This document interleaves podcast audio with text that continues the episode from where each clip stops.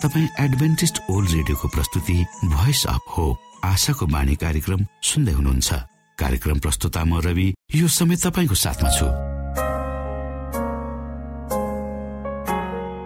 आफ्ना प्यारा श्रोताहरूको न्यानो माया र धेरै उत्साह दिने सकारात्मक प्रतिक्रियाहरूको सङ्गालो साथै लिएर आशाको बाणी कार्यक्रम डाँडा काँडा गाउँ बेसी हिमाल मधेस सुन्दर नेपालको सबै नेपालीलाई अनि मातृभाषा नेपाली बोल्ने अनि बुझ्ने प्रवासी नेपाली माझ पनि एउटा मन पर्ने कार्यक्रमको संज्ञाका साथ अगाडि बढिरहेको छ। हरेक दिनको कार्यक्रमहरू नयाँ र विशेष आत्मिकी बनाउनु हरेक श्रोताको चाहनालाई समेट्ने प्रयास गर्नु र तपाईँ सबैलाई हाम्रो मुक्तिदाता को हुनुहुन्छ भनी परिचय गराउनु हाम्रो उद्देश्य हो। यसमा तपाईँले हामीलाई साथ दिनुभएको छ। यसको लागि तपाईँलाई हामी धेरै धेरै धन्यवाद दिन चाहन्छौ। परमेश्वरको नामको महिमा होस् आज पनि हामी बाइबलबाट शिक्षाप्रद सन्देशहरू सुन्नेछौँ।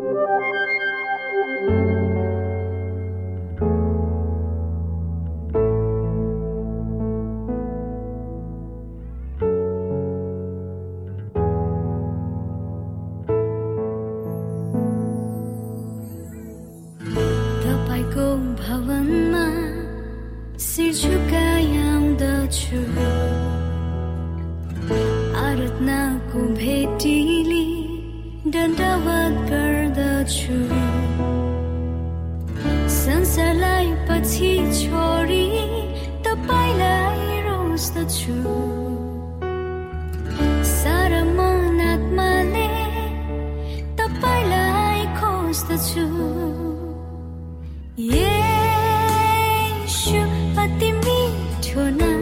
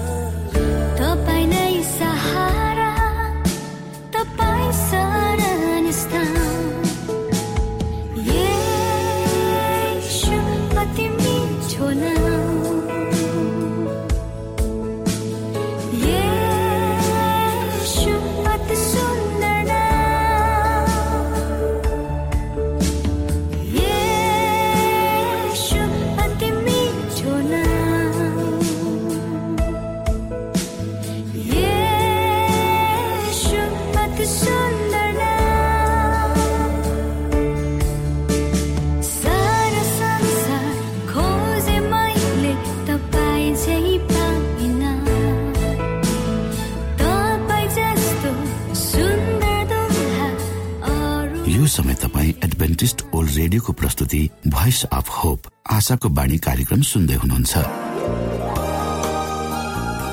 तपाईँ आशाको बाणी कार्यक्रम सुन्दै हुनुहुन्छ। हामी आशा गर्दछौँ कि तपाईँले हाम्रा कार्यक्रमहरू सुनेर आनन्द लिनु भएको छ। यदि तपाईँ हाम्रो तर्फबाट सानो उपहार प्राप्त गर्न चाहनुहुन्छ भने कृपया गरेर हामीलाई Bible at the rate AWR dot ओआरजीमा लेखी पठाउन सक्नुहुनेछ। अथवा हाम्रो वाट्सएप नम्बर प्लस एक दुई दुई चार दुई दुई दुई जिरो सात सात सातमा फोन गरेर सम्पर्क गर्न सक्नुहुनेछ। श्रोता मित्र यो समय हामी पास्टर उमेश पोखरेलबाट आजको बाइबल सन्देश सुन्नेछौ। श्रोत साथी न्यानो अभिवादन साथ म तपाईँको आफ्नै आफन्त अर्थात् पास्टर उमेश पोखरेल परमेश्वरको वचन लिएर यो रेडियो कार्यक्रम मार्फत तपाईँहरूको बीचमा पुनः उपस्थित भएको छु। मलाई आशा छ तपाईँले हाम्रा कार्यक्रमहरूलाई नियमित रूपमा सुनिरहनु भएको छ। र परमेश्वरका प्रशस्त आशिषहरू प्राप्त गर्दै हुनुहुन्छ। श्रोता साथी आउनुहोस् तपाईँ हामी केही समय परमेश्वर सँगसँगै बिताउ। आजको प्रस्तुतिलाई पस्कनुभन्दा पहिले आउनुहोस् हामी परमेश्वरमा अगुवाईको लागि बिन्ती राख्नेछौँ। जीवित जिउँदो महान दयालु परमेश्वर प्रभु हामी धन्यवादी छौँ यो जीवन र जीवनमा दिनुभएका प्रशस्त आशिषहरूको प्रभु यो रेडियो कार्यक्रमलाई म तपाईँको हातमा राख्दछु। यसलाई तपाईँको राज्य र महिमाको प्रचारको खातिर प्रयोग गर्नुहोस् धेरै मानिसहरू तपाईँको ज्योतिलाई यो कार्यक्रम मार्फत देख्न सकु सबै बिन्ती प्रभु यीशुको नाममा। आमेन। श्रोत साथी स्पेनिस खोजकर्ता पोन्से डे लियोन जो क्रिस्टोफर कोलम्बससँग दोस्रो पटक अमेरिका जान लामो सामुद्रिक यात्रामा सँगै सहभागी भए। त्यसपछि उनी पुर्तिरियोको गभर्नर बने।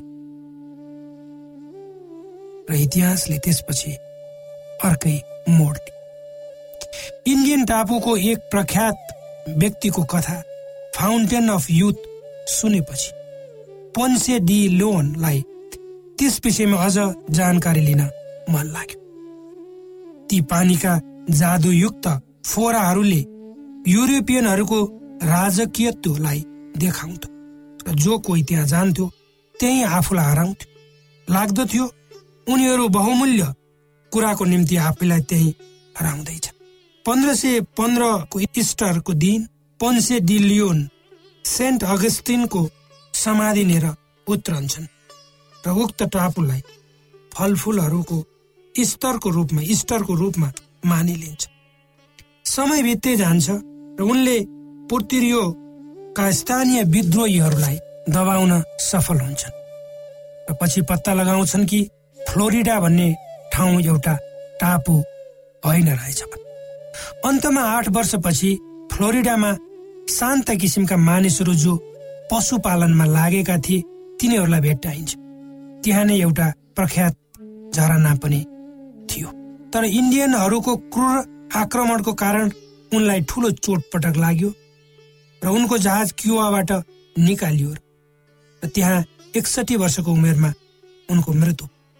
तर जीवनको पानीका वा झरनालाई पत्ता लगाउनु भन्दा धेरै टाढा भएर उनी यो संसारबाट बिदा भए। श्रोत साथी स्वभावैले मानिसको युवा अवस्था सबभन्दा जल्दो बल्दो समय हो। र यही अवस्थामा युवाहरू आफ्नो भित्री शरीरलाई मजबुत बनाउने र बाहिरी रूपले आकर्षक देखिन विभिन्न किसिमका प्रयास र प्रयत्नहरू गर्दछ। यी सबै कुराहरूले हाम्रो जीवनको जीवनत्वलाई देखाउँछ। विज्ञानले पनि यस विषयमा खोजी नीति अनुसन्धान गरेको हामीले डिएनएको स्वरूपको बारेमा पनि अध्ययन गरेको छौँ जीवनका सुगन्धहरू हाम्रो बुझाइभन्दा धेरै टाढा टाढा छन्। मानिसहरूले गरेको अनुसन्धान केही पर पुग्छ त्यसले एउटा निश्चित बिन्दुमा सफलता हासिल गर्छ तर त्यसपछि त्यसको ढोका बन्द हुन्छ। जे भए पनि पोन्से डिलोनको सबै विचार गलत थियो भनेर भन्न सकिँदैन किनकि उनले आफ्नो जीवन रूपी खोला पत्ता लगाउनु थियो। तर उनी त उक्त जीवन रूपी खोलालाई गलत ठाउँमा खोज्दै थिए। परमेश्वरबाट मात्रै जीवन पाइन्छ। त्यसैले पवित्र धर्मशास्त्र बाइबलको यहुन्ना एक अध्यायको चार र चौध पदहरूमा यसरी लेखिएको पाइन्छ। उहाँमा जीवन थियो र त्यो जीवन मानिसहरूको ज्योति थियो। अनि वचन देहधारी हुनु र अनुग्रह र सत्यताले पूर्ण भई हाम्रा बीचमा बास र हामीले केवल आफूलाई साँचो मुहानसँग आफ्नो सम्बन्धलाई जोडी राख्नु पर्छ हामीले आफ्नो शारीरिक एवं आत्मिकी वृद्धिको निम्ति जीवनदातासँगको सम्बन्धलाई अटुट राख्नुपर्छ। त्यसैले त पवित्र धर्मशास्त्र बाइबलको यौना एक अध्यायको तिनमा सबै थोक उहाँद्वारा बनिए र बनिएको कुनै पनि थोक उहाँ बिना बनिएन भनेर छ श्रोत साथी हाम्रो अनुहार या त चम्किलो हुन्छ वा निराश हुन्छ। हामी आफ्नो अनुहारबाट मनभित्रको नभनिएको कुरा भन्छ होइन र? कतिपय समयमा जब हामी कुनै मानिसहरूसँग वार्तालाप गर्न खोज्छौँ त्योभन्दा पहिले नै ती मानिसहरूको अनुहारबाट हामी कसरी आफूलाई प्रस्तुत गराउने भन्ने कुरामा निर्णय गर्दछौँ। हामी आफ्नो जीवनको अन्तिम घडीसम्म यो संसारलाई जसरी भए पनि नष्ट गर्ने युद्धमा लडिरहेका हुन्छौँ। हामी आफ्नै मात्र हित खोज्छौँ। हामीले आफ्नै मात्र हित खोज्यौँ भने त्यही हित प्राप्तिको खातिर जस्तो सुकै तल आफूलाई झार्न पनि हामी पछि पर्दैन। जब हामी आफू र आफ्नै मात्र कुरा गर्छौँ तब हामीबाट जीवनको ज्योतिहरूले देख्न सक्दैन। मानिसहरू आफूलाई आकर्षक रूपमा प्रस्तुत गर्न आफ्नो व्यक्तित्वलाई झल्काउन विभिन्न किसिमका सिङ्गार र पहिरनहरू गर्छ। त्यो एक ठाउँमा स्वाभाविकै होला। कतिको लागि तर मानिसको वास्तविक चरित्र उसको भित्रीबाट देखिन्छ। वा मानिस मानिसको स्वभाव उसको अनुहारबाट देख्न सकिन्छ। यद्यपि हामी सबै मानिसहरू भिन्न भिन्न शारीरिक बनोट लिएर जन्मेका हुन्छौँ। जब हाम्रो उमेर बढ्दै जान्छ तब हाम्रो अनुहार पनि परिवर्तित हुन्छ। यद्यपि त्यसलाई सिङ्गार पटारद्वारा हामीले सुन्दर बनाउने कोसिस गर्दछौँ। वा हाम्रो नराम्रो अनुहारलाई सांसारिक सिङ्गारहरूद्वारा राम्रो बनाउने कोसिस गर्दछौँ। तर जब हाम्रो अनुहार चाउरी परेको दाग लागेको वा कुनै किसिमले नराम्रो भएको हुन्छ त्यसले हाम्रो जीवनमा नराम्रो असर पार्न सक्छ। आफ्नै हे हेराइमा पनि आफूलाई नै तल्लो अवस्थामा पाउँछु। र अरूहरूको हामी प्रतिको भावना वा चाहनामा पनि चोट पुग्न सक्छ। त्यो अवस्था निश्चय नै हाम्रो निम्ति उपयुक्त नहुन सक्छ। आफैले आफूलाई सम्मान नगर्दा वा आफ्नो कुनै मूल्य नभएको ठान्दा कतिपय अवस्थामा मानिसहरू हताश निराश भई आत्महत्या गर्छन्। हामी सबैले देखेको वा सुनेकै हो। तर पश्चिमी देशका मानिसहरू पूर्वीय देशहरूका देशका मानिस झै मानिसहरूको व्यक्तिगत जीवनप्रति थोरै चासो राख्दछ। तर हाम्रो जस्तो समाजमा मानिसको चियो चस्को खोजनीति गर्ने धेरै चलनहरू छन्। यस्तो परिप्रेक्ष्यमा हामी संवेदनशील हुनु जरुरी छ। तर यस्ता धेरै मानिसहरू छन् जो आफ्नो मनभित्र धेरै दर्दहरू लुकाएर बाहिर हाँस्ने पनि त गर्छ पवित्र धर्मशास्त्र बाइबलको भजन सङ्ग्रह एक सय चार अध्यायको उन्तिस पदमा परमेश्वरको प्रशंसा यसरी गरिएको छ। तपाईँले आफ्नो मुहार छोप्नु हुँदा तिनीहरू भयभीत हुन्छन्। तपाईँले तिनीहरूको सास लिनुहुँदा ती मरिहाल्छ र फेरि धुलोमै फर्कन्छ तर परमेश्वरको अनुहारमा हेर्नु भनेको सानो कुरो। वास्तवमा हाम्रो मानवीय अवस्थाबाट यो हेर्न असम्भव छ। जब इसरायलीहरूका सन्तानहरूले परमेश्वरको आज्ञा उल्लङ्घन गरे सुनको बादशाह बनाएर त्यसको पूजा गरे।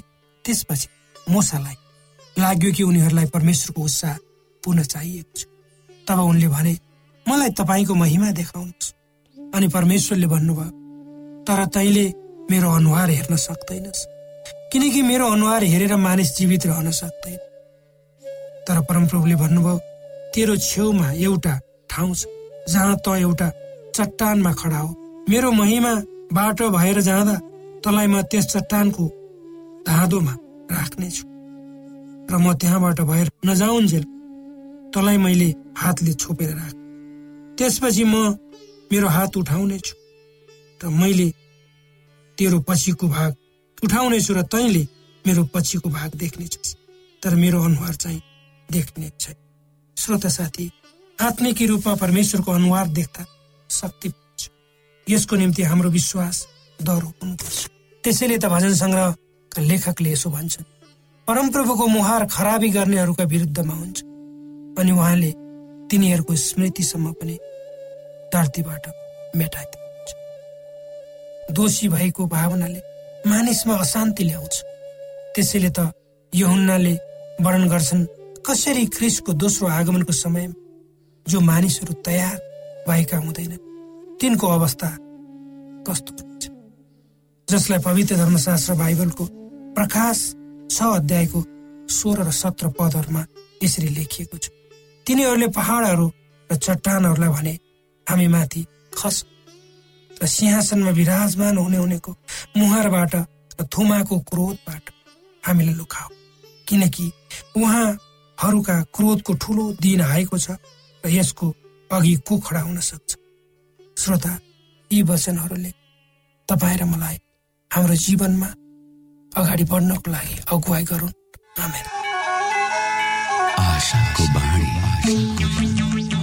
श्रोता भर्खरै यहाँले पास्टर उमेश पोखरेलबाट बाइबल वचन सुन्नुभयो।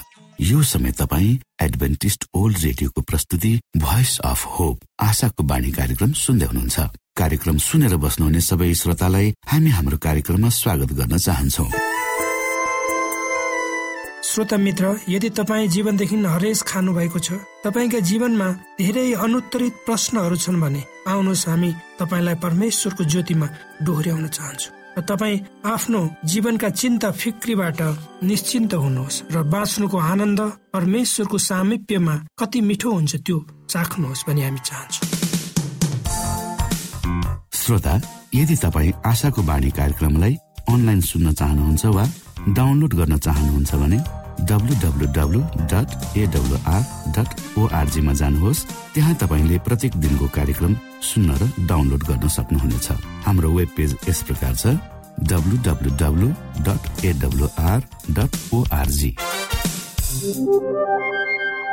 श्रोता यदि तपाईँ हामीसित सिधै फोनमा सम्पर्क गर्न चाहनुहुन्छ भने हाम्रा नम्बरहरू यस प्रकार छन्। अन्ठानब्बे एकसाठी पचपन्न शून्य एक सय बिस। अन्ठानब्बे एकसाठी पचपन्न शून्य एक सय बिस। र अर्को अन्ठानब्बे अठार त्रिपन्न पन्चानब्बे पचपन्न। अन्ठानब्बे अठार त्रिपन्न पन्चानब्बे पचपन्न।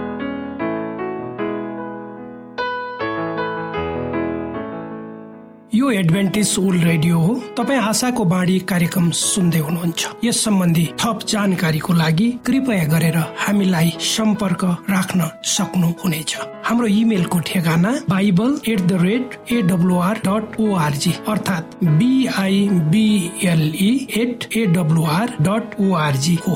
तपाईँ हामीलाई हाम्रो वाट्सएप नम्बर प्लस एक दुई दुई चार दुई दुई दुई जिरो सात सात सातमा पनि कल गरेर सम्पर्क राख्न सक्नुहुनेछ। अर्थात् प्लस एक दुई दुई चार दुई दुई दुई जिरो सात सात सात। यो आशाको बाणी रेडियो कार्यक्रम हो। म धनलाल राई यहाँहरूलाई यस कार्यक्रममा न्यानो स्वागत गर्दछु। आज म तपाईँको बिचमा परमेश्वरको वचन लिएर उपस्थित भएको छु। आजको यो परमेश्वरको वचन वा बाइबल सन्देशको शीर्षक रहेको छ परमेश्वरको भय मान वा उहाँप्रति श्रद्धा देखाउ र उहाँलाई महिमा देऊ भन्ने बाइबल सन्देशको उपसंहार।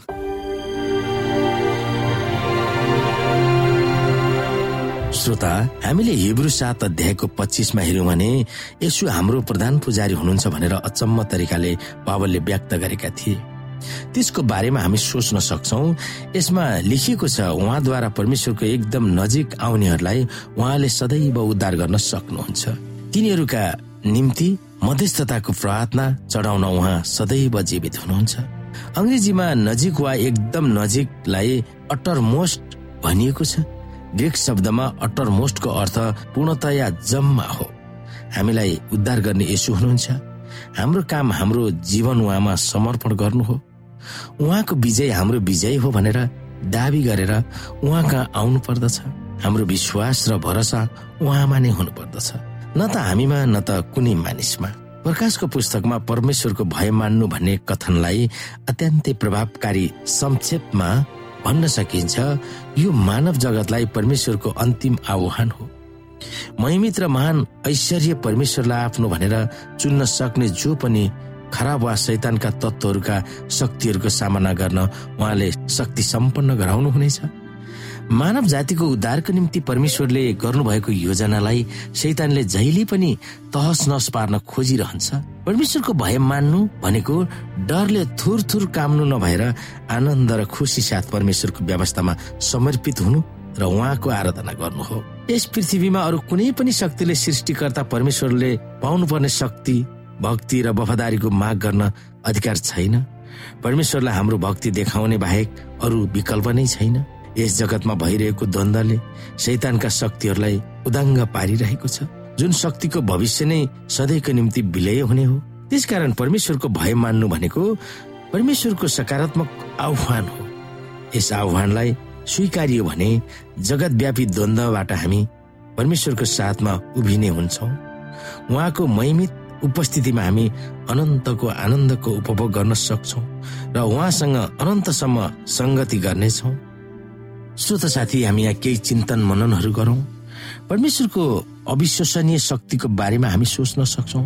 सारा ब्रह्माण्डलाई सृष्टि गर्नु भएर उहाँले नै सम्हालिरहनु भएको छ। सारा जगत र अनगिन्त्यौँ नक्षत्रहरूको बारेमा सोच्न हाम्रो दिमागमा ठाउँ नै छैन। यसको सृष्टिकर्ताको बारेमा सोच्न पनि हामी सुरु गर्न सक्दैनौँ।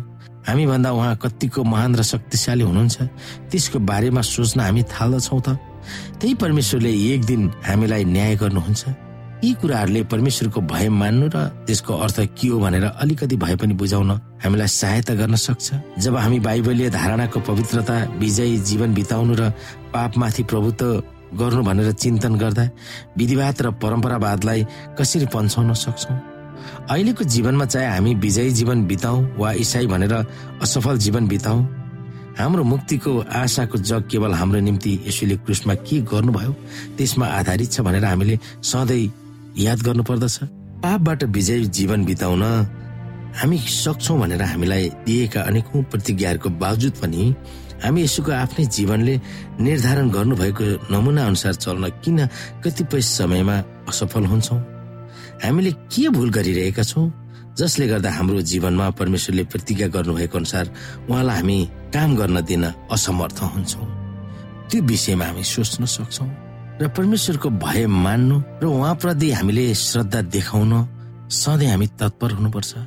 र उहाँको महिमा र उहाँलाई महिमा दिनका निम्ति हाम्रो जीवन सधैँभरि तयार राख्नु यो नै हाम्रो निम्ति असल कुरा हो अथवा विजय जीवन हो। हामीलाई प्रकाशको पुस्तक चौध अध्यायको बाह्रमा भने अनुसार सन्तहरूको धैर्यता यही हो। तिनीहरूले परमेश्वरका आज्ञाहरू पालन गर्छन् र यसुको विश्वास तिनीहरूमा छ। जबसम्म हामी ख्रिस यसुलाई हेर्छौँ र उहाँको मृत्युलाई विश्वास गर्छौँ। र उहाँको पुनरुत्थानलाई पनि हामी विश्वास गर्छौँ कि हामीले आज दृश्य कुरालाई होइन श्रोता अदृश्य कुरालाई विश्वास गरिरहेका छौँ। जुन चाहिँ विगतमा भएको घटनालाई हामी हेर्न सक्छौँ। तपाईँ र मेरो निम्ति यसु ख्रिस्टले संसारमा साधारण मानिसको रूपमा जन्म लिनु भएको थियो। तर उहाँ हामी जस्तो साधारण मानिस हुनुहुन्न थियो। उहाँ असाधारण परमेश्वरको पुत्र हुनुहुन्थ्यो। तर पनि उहाँले गिल्ला तिरस्कार र निन्दालाई रोज्नु भयो ताकि त्यो कुरामा हाम्रो विश्वास छ कि छैन? हामी धैर्यताका साथ उहाँको त्यो कार्यलाई हेरिरहेका छौँ कि छैनौँ? यो कुरा हामीले बुझ्नु पर्दछ कि परमेश्वरको जुन भय छ त्यसलाई मान्नु र उहाँप्रति एकदम श्रद्धाले हामी प्रति गर्नुभएको प्रेमको कारणले उहाँमा हामीले श्रद्धा राख्नु अति उत्तम कुरा हो। र उहाँलाई हामीले महिमा दिनु यो कारण कि उहाँले हाम्रो निम्ति संसारमा जे गर्नुभयो सारा मानव जगतको लागि थियो। त्यसै कारणले गर्दाखेरि त्यस्तो महिमित ईश्वर अथवा परमेश्वरको पुत्रलाई हामीले महिमा दिनु पर्दछ त्यसो भयो भने हाम्रो आत्मिक रूपमा उन्नति हुन सक्छ।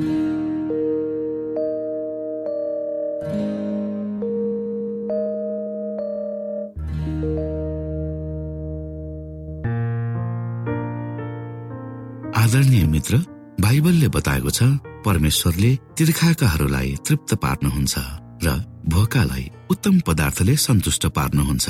हामीलाई दिइएको यो छोटो समय आशाको बाणीको प्रस्तुतिको समयमा हामीले हाम्रा श्रोताको आत्मिक भोकलाई केही मात्रामा भए तापनि सही प्रकारको खोराक पस्केर आत्मिक सन्तुष्टि दिन सकेका छौँ केही ऊर्जा थप्न सकेका छौँ भनेर हामीले आशा राखेका छौँ। आफ्ना मनमा भएका केही दुविधा र शङ्काहरू छन् भने अवश्य हामीसँग बाँडेर शङ्काको निवारण गर्नुहुनेछ। र सही प्रकारको बाटो पहिल्याउन सक्नुहुनेछ परमेश्वरको सच्चाइले अझ राम्रो बुझ्न सक्नुहुनेछ र आफ्नो जीवनलाई परमेश्वरमा पूर्ण समर्पित भएर समर्पण सहितको जीवन बिताउन सक्नुहुनेछ भनेर आशा राख्दै अब हामी हाम्रो कार्यक्रम सकिएको जानकारी यहाँलाई गराउन चाहन्छौ। जानुभन्दा अगाडि श्रोता हामी यहाँलाई हाम्रो ठेगानाको विषयमा जानकारी गरौं। हामीसँग पत्राचार गर्ने हाम्रो ठेगाना यस प्रकार छ। आशाको बाणी पोस्ट बक्स नम्बर दुई शून्य शून्य शून्य दुई काठमाडौँ नेपाल। आशाको बाणी पोस्ट बक्स नम्बर दुई शून्य शून्य शून्य दुई काठमाडौँ नेपाल। यसै गरी श्रोता यदि तपाईँ हामीसँग सिधै कुराकानी गर्न चाहनुहुन्छ भने हाम्रो फोन नम्बर यस प्रकार छ। अन्ठानब्बे एकसाठी पचपन्न शून्य एक सय बिस। अन्ठानब्बे एकसाठी पचपन्न शून्य एक सय बिस। र अर्को अन्ठानब्बे अठार त्रिपन्न पन्चानब्बे पचपन्न। अन्ठानब्बे अठार त्रिपन्न पन्चानब्बे पचपन्न। हामीलाई इमेल पनि गर्न सक्नुहुन्छ। हाम्रो इमेल एड्रेस यस प्रकार छ Nepal at AWR dot org Nepal at AWR dot org यदि तपाईँ हामीलाई अनलाइन सुन्न चाहनुहुन्छ वा डाउनलोड गर्न चाहनुहुन्छ भने तपाईँ W W W dot AWR dot ओआरजीमा जानुहोस् र त्यहाँ तपाईँले हाम्रा सबै कार्यक्रमहरू सुन्न सक्नुहुनेछ। हाम्रो वेब पेज यस प्रकार छ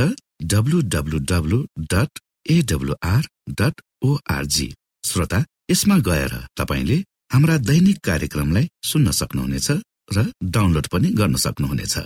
हवस् त श्रोता हाम्रो कार्यक्रम सुनिदिनु भएकोमा एकचोटि फेरि यहाँलाई धन्यवाद दिँदै भोलि फेरि यही स्टेशन यही समयमा यहाँसँग भेट्ने आशा राख्दै प्राविधिक साथी राजेश पास्टर उमेश पोखरेल र कार्यक्रम प्रस्तुता म रवि यहाँसँग विदा माग्दछौ।